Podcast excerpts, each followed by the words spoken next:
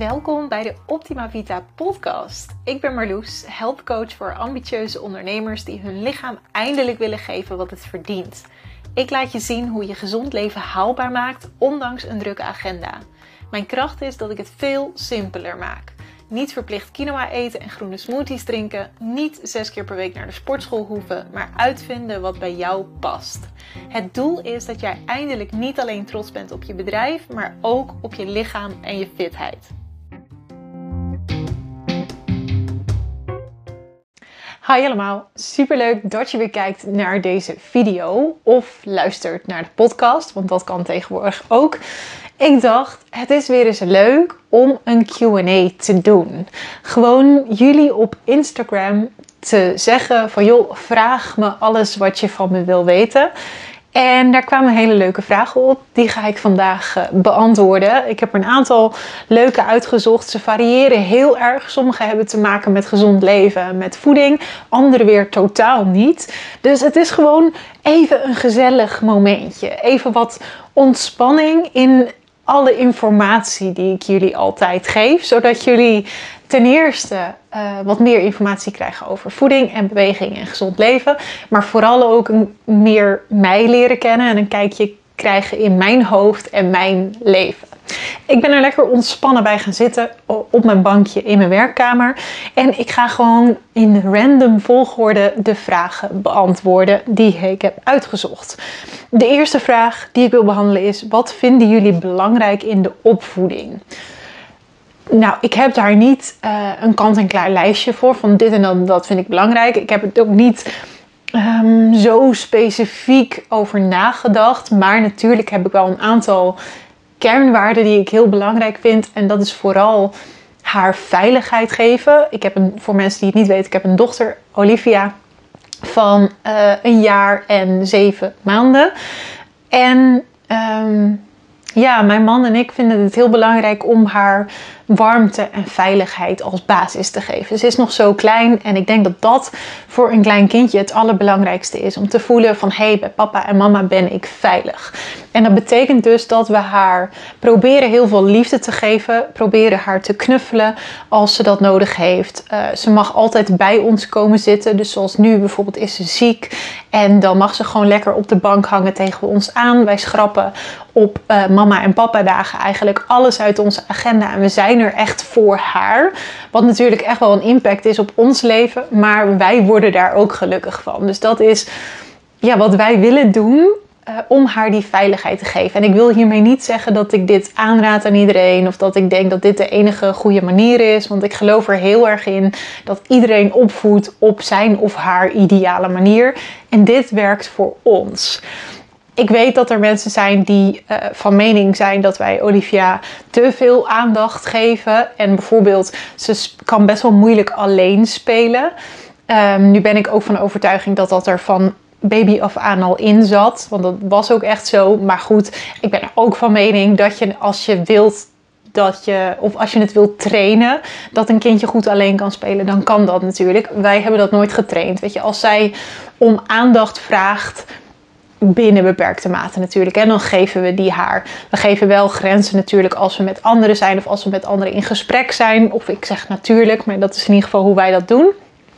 Um, wat ik ook nu al een hele belangrijke factor is, is denk, vind, is denk ik vertrouwen. En dan bedoel ik dat zij het idee heeft van hé, hey, ik mag experimenteren. Ik mag de wereld beleven. En ik mag dus ook uh, fouten maken en mama geeft aan waar de grenzen zijn zonder direct boos te worden.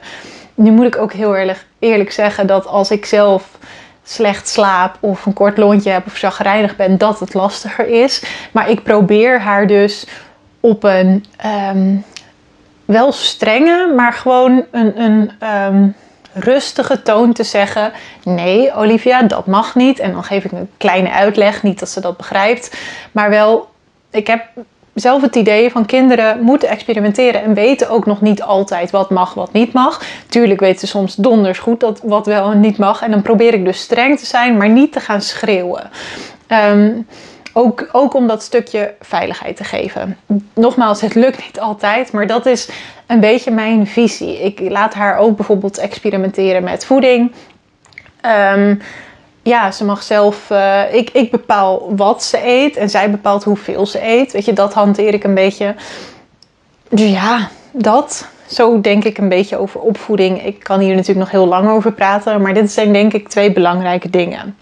Hoe houd je je haar gezond, ondanks dat je het heel vaak krult? Ik krul mijn haar inderdaad heel vaak. Nu heb ik het eergisteren geloof ik gekruld, dus er zit nog een hele kleine slag in, Ehm, maar niet zoveel. Ik ehm, doe mijn haar ook vaak met een föhnborstel, omdat ik best wel... Ik heb van nature een slag, maar ik verzorg die niet heel goed. Ik heb een kort tijdje de curly girl methode gedaan. En toen kwam mijn natuurlijke slag veel meer naar boven. Nu is hij, nou, nergens te bekennen op dit moment. Maar ehm, ik heb vrij frizzy, dus vrij pluizig, zeg je dat zo? Haar, dus ik maak het wat gladder en ik krul het met de krultang. Ehm, verder ja, hoe houd ik het dan gezond? Nou, ik denk dat het allerbelangrijkste is gezond leven. Ik doe dat al heel lang. Eh, ik eet relatief gezond. Eh, kan natuurlijk altijd gezonder, maar daarom zeg ik relatief gezond. Ik drink veel water. Dus ik denk dat dat echt de basis is. Ik denk dat er ook gerust een stukje genen in zitten. Al zie ik echt wel dat bijvoorbeeld mijn haar in studententijd dat het echt er slechter uitzag. Het is nu veel gezonder dan dat het toen was. Dat komt denk ik ook doordat ik nu een goede kapper heb die uh, goede kappersverf gebruikt. En als ik mijn haar kleur, wat ik ongeveer één keer per 4 à 6 maanden doe. Dus ik kleur het niet vaak. Er zitten ook alleen highlights in. Dus niet alles is gekleurd. Uh, maar één keer in de 4 à 6 maanden laat ik dus die highlights bijwerken. Dan doet ze ook een toner, maar ook Olaplex om het te beschermen. Ik was mijn haar één keer per week, soms twee keer per week. Maar ik was het dus relatief weinig, omdat ik dat ook nou, goed vind voor mijn haar. Uh, wat doe ik verder? Ik gebruik een uh, collageenpoeder al heel lang. Ik heb ook het idee dat dat positief effect heeft op mijn haar. Maar dat is niet de reden dat ik dat gebruik. Maar ik denk wel dat het van invloed is op mijn haar. Ik denk dat dat de belangrijkste dingen zijn. Oh, en ik borstel bijvoorbeeld met een zachte kam. Um, ja, dat. Maar ik ga dus heel weinig naar de kapper. Ik laat het ook maar één keer dus per vier of zes maanden knippen. Leef je je mooiste leven? Diepe vraag dit. Ik denk voor nu dat ik echt wel gewoon ja kan zeggen. Ik heb mezelf veel meer getraind in het genieten van het leven. En veel meer dankbaar zijn voor wat ik al heb. Dus ik denk wel. Uh, ik sta veel positiever in het leven dan, denk ik, twee, drie jaar geleden bijvoorbeeld. Ik kan veel meer genieten inderdaad van, van de kleine dingen. Ik heb veel meer rust in mijn werk. Ik heb minder stress. Um, dus wat dat betreft denk ik, ja. Uh, natuurlijk heb ik ook dromen, maar dat komt volgens mij later in een vraag wel. Ik zag iemand een bult cacaopoeder door haar kwark doen. Is dat gezond? Of wat vind jij hiervan? Nou, cacao eten mensen denk ik vooral omdat er uh, antioxidanten in zitten. Maar deze kun je ook uit andere producten halen. Um, er zit bijvoorbeeld ook magnesium in cacaopoeder. Misschien is dat een reden dat ze het gaan gebruiken. Uh, er zijn onderzoeken waaruit blijkt, dan doe ik het even uit mijn hoofd, dus dit is gevaarlijk, dus pin me er niet op vast. Maar dat cacao een um, positief effect heeft op hart- en vaatziekten. Maar dat is, bijvoorbeeld, heeft bijvoorbeeld veel groente en fruit eten ook. Um, dus naar mijn idee is een leven zonder cacao prima gezond. En ik zou het ook niet overdrijven zelf. Ik denk niet. Um, ja, ten eerste dus dat je het nodig hebt om gezond te zijn. Absoluut niet. Maar ik geloof sowieso niet dat één enkel product kan zorgen voor het gezonde uh, leven. En ik denk dat een teveel daadwerkelijk ook negatieve effecten kan hebben. Want het is natuurlijk heel moeilijk om onderzoek te doen bij een grote groep mensen die echt heel veel cacao elke dag eet. Want dan heb je wel een beetje ethische problemen van ja, levert het niet risico's op? Dus ik betwijfel of dat ooit goed is onderzocht. Dus ik raad je niet aan om elke dag nu bulten cacao te gaan gebruiken.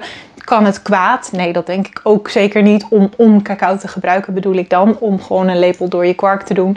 Ik geloof niet dat het kwaad kan. Heb je het nodig om gezond te zijn? Dat geloof ik ook niet per se. Ik sta er dus een beetje neutraal in.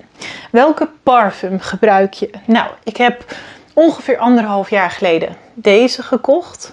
Hij heet Baccarat Rouge 540. Dat spreek je vast op zijn Frans uit. Oh, ik ga niet eens. 540. Nee, 40. 540. Ik denk dat dat 540 is, maar Frans is lang geleden. Maar dit vind ik zo'n fijne geur, zo'n lekkere geur. En ik ben heel kritisch met geuren. Hij is ook echt heel duur. Maar ik heb dus, nou, er zit nu nog heel weinig in. Maar ik heb deze dus anderhalf jaar geleden gekocht met kerst. Uh, en ik doe er dus al anderhalf jaar mee met dit potje. Hij was wel 200 euro, dit potje. Dus het deed wel echt heel veel pijn. Maar ik was al zo lang op zoek naar een perfecte parfum. Ik vind het ook fijn als het echt goed blijft hangen. En toen ben ik op een gegeven moment naar Skins Cosmetics gegaan in Groningen. En daar gezegd van, nou, dit, is, dit en dit is ongeveer wat ik zoek. En toen kwamen ze met deze en ik was instant verliefd. Dus dit is absoluut mijn favoriete geur. Heb je tips op het gebied van sportvoeding? Nou, ik heb echt 120 tips op op het gebied van sportvoeding. Het ligt ook heel erg aan wat voor sporten je doet. Ehm, als ik even twee tips moet meegeven, is ten eerste uh, time je voeding goed. Dus zorg ervoor dat je voeding die je energie geeft voor het sporten. En als je veel sport, vind ik het belangrijk om uh, je lichaam in staat te stellen om te herstellen na het sporten. Nu zijn de onderzoeken daarin.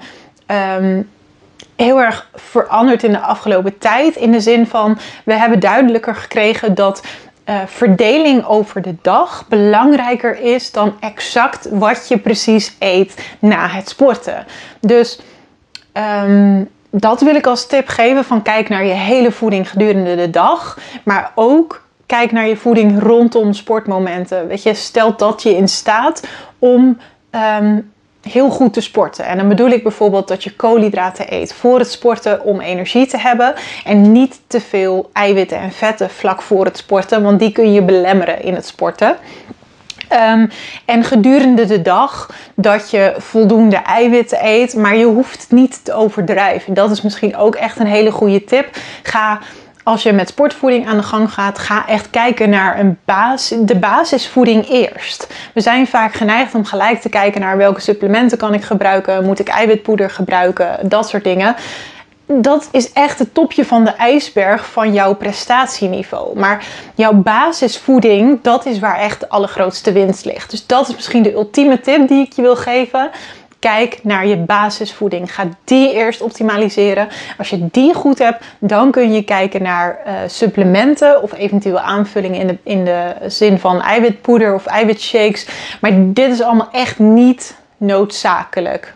Even ervan uitgaande dat je niet bijvoorbeeld veganist bent, want dan is suppletie wel uh, noodzakelijk. Maar voor de meeste mensen is suppletie niet noodzakelijk.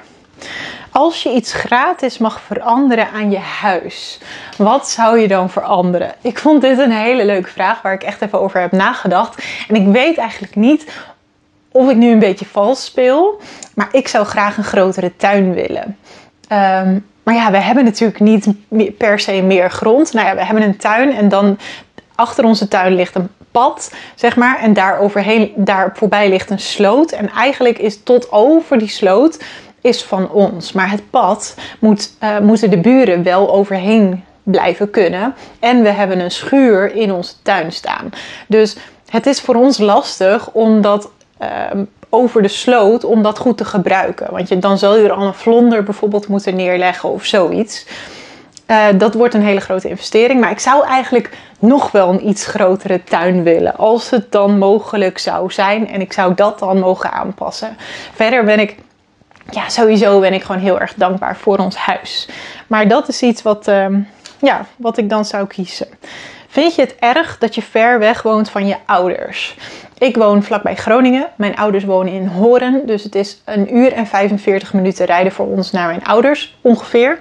Uh, ja, dat vind ik af en toe heel erg jammer. En ik zou gewoon heel graag gewoon één keer per week even langs gaan met Olivia. Wat we wel bijvoorbeeld bij Svens ouders kunnen doen. Want die wonen ongeveer een half uurtje rijden hier vandaan. Dus dat is echt prima te doen. Maar Olivia vindt autorijden echt niet leuk.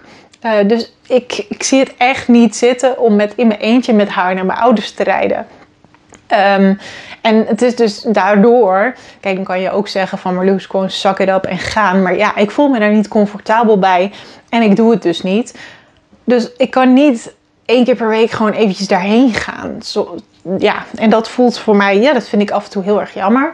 Aan de andere kant, weet je, als ik mijn ouders zie, dan hebben we wel altijd wat langer tijd met elkaar. Dan gaan we vaak gewoon iets leuks doen.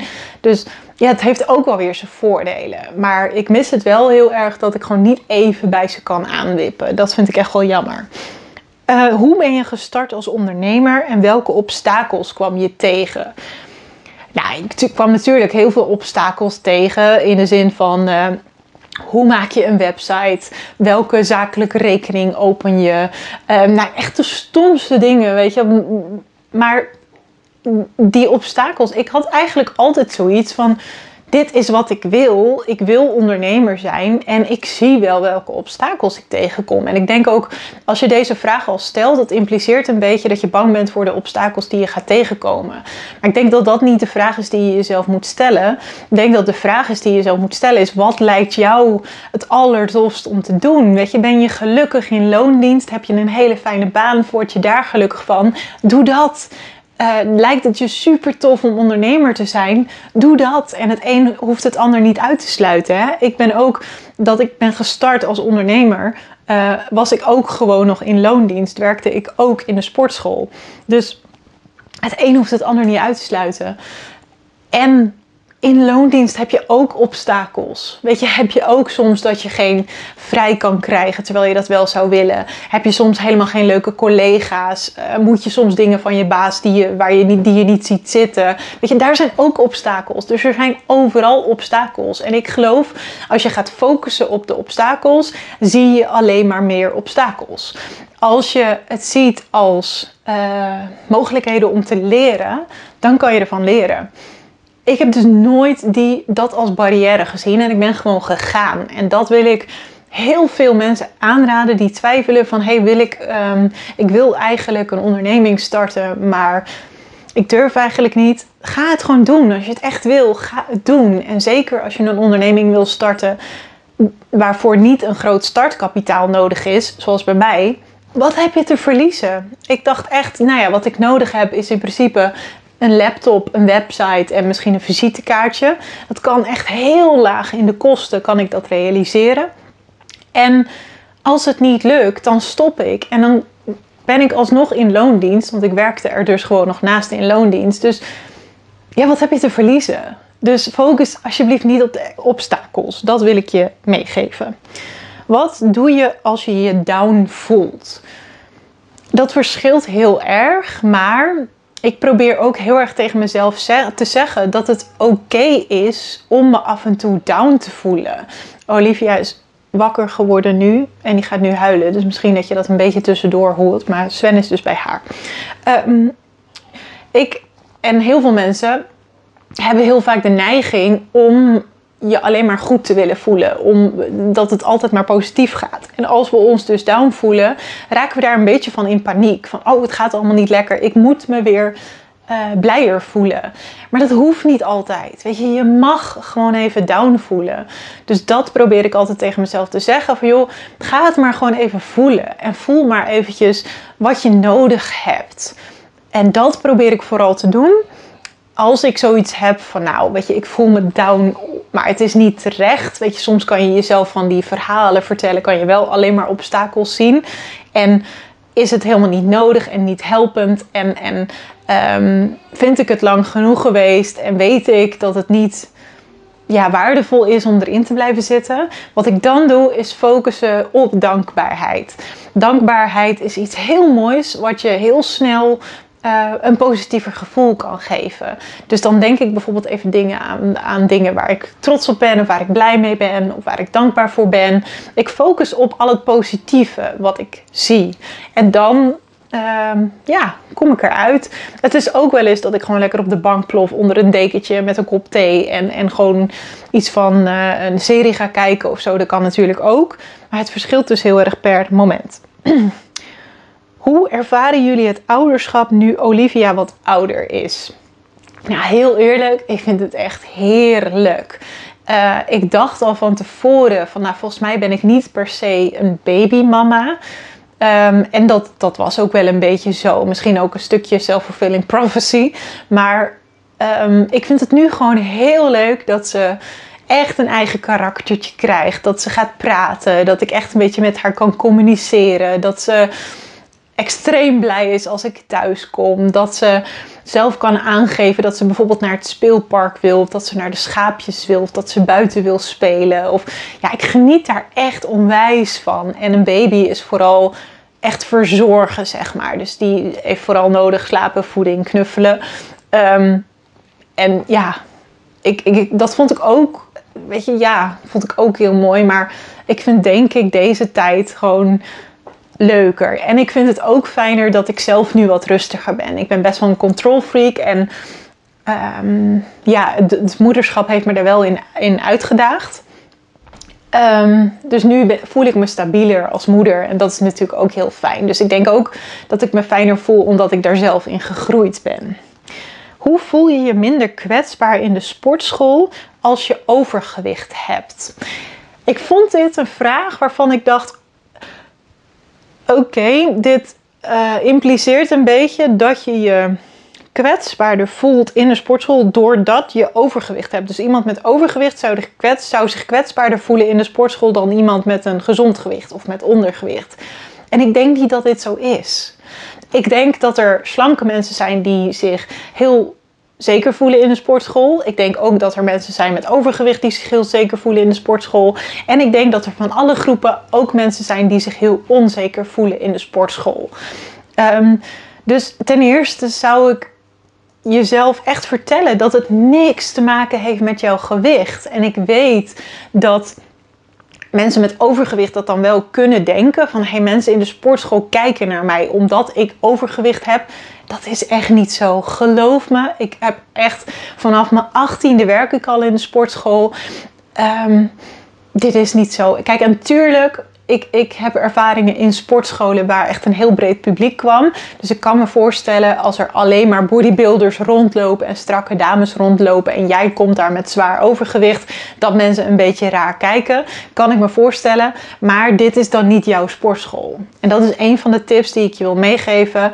Zorg dat je op een plek bent waar je je enigszins oké voelt of het is een teken dat je gaan, mag gaan werken aan jouw eigen waarde. Want je eigen waarde heeft niks te maken met je gewicht. Daar heb ik heel vaak over gepraat. Ik merk dat ik nu heel veel wil zeggen, maar dat, ik ga me even inhouden. Maar zie dit echt als een teken van, van je mag hier aan gaan werken. Want je hoeft je niet onzeker te voelen. Ga dus kijken. Kijk, er zijn ook omgevingen waar ik me onzeker in voel, maar dan ben ik dus niet in de juiste omgeving. Dus ga kijken, ben ik wel in de juiste omgeving? Vind ik naar de sportschool gaan überhaupt leuk of prettig of, of wil ik het leren? Ga ik ervan aan? Als dat niet zo is, zoek iets anders. Een andere vorm van beweging, een andere vorm van sporten.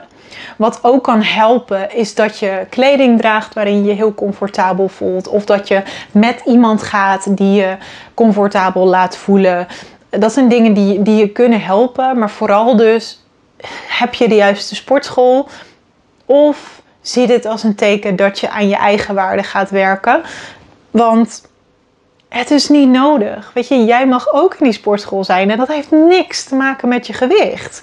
Um, wat trouwens ook nog kan helpen, is dat je het idee hebt dat je weet wat je aan het doen bent. En daarin kan het heel erg helpen als je een trainer een uh, trainingsprogramma voor je laat opstellen en hem goed laat uitleggen. En als je iets niet begrijpt, durf te zeggen: Ik begrijp het niet, wil je het nog een keer uitleggen? Want het is heel normaal dat je helemaal niet snapt hoe al die apparaten werken.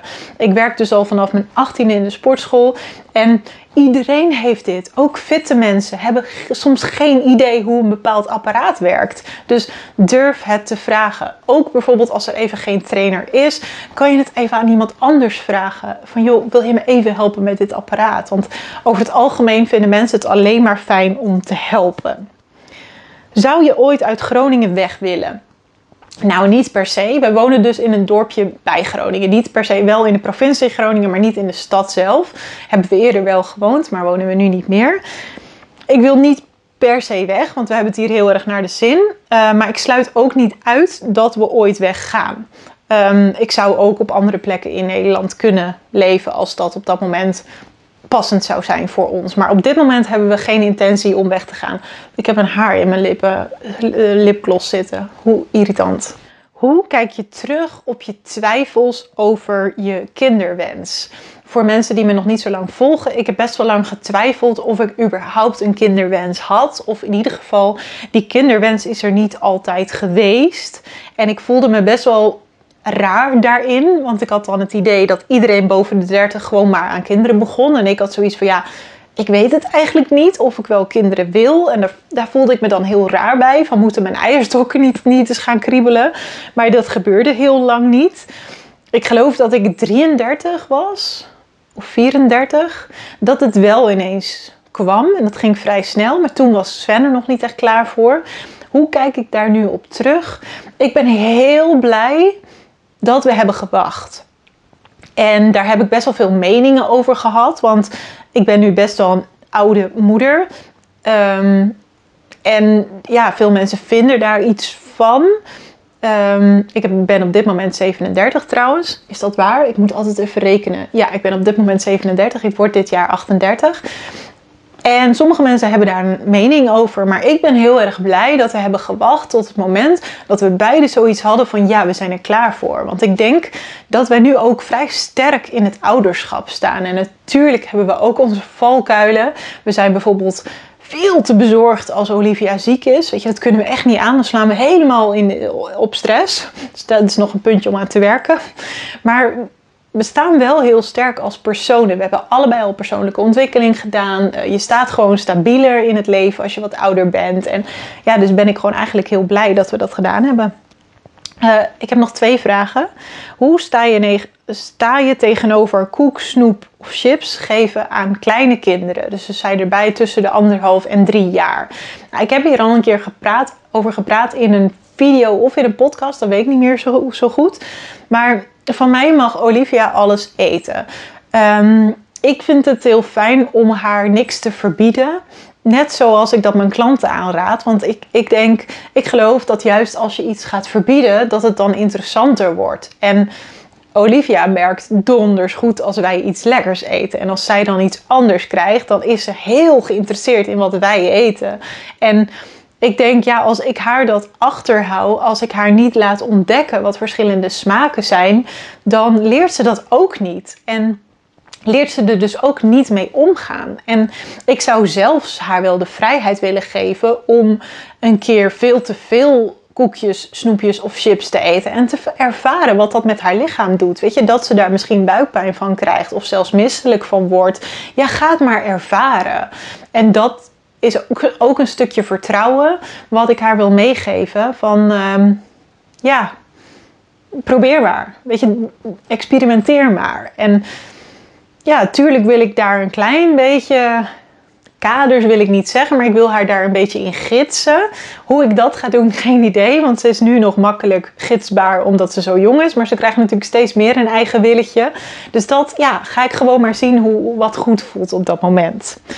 En dan de laatste vraag. Welke dromen heb je op privégebied?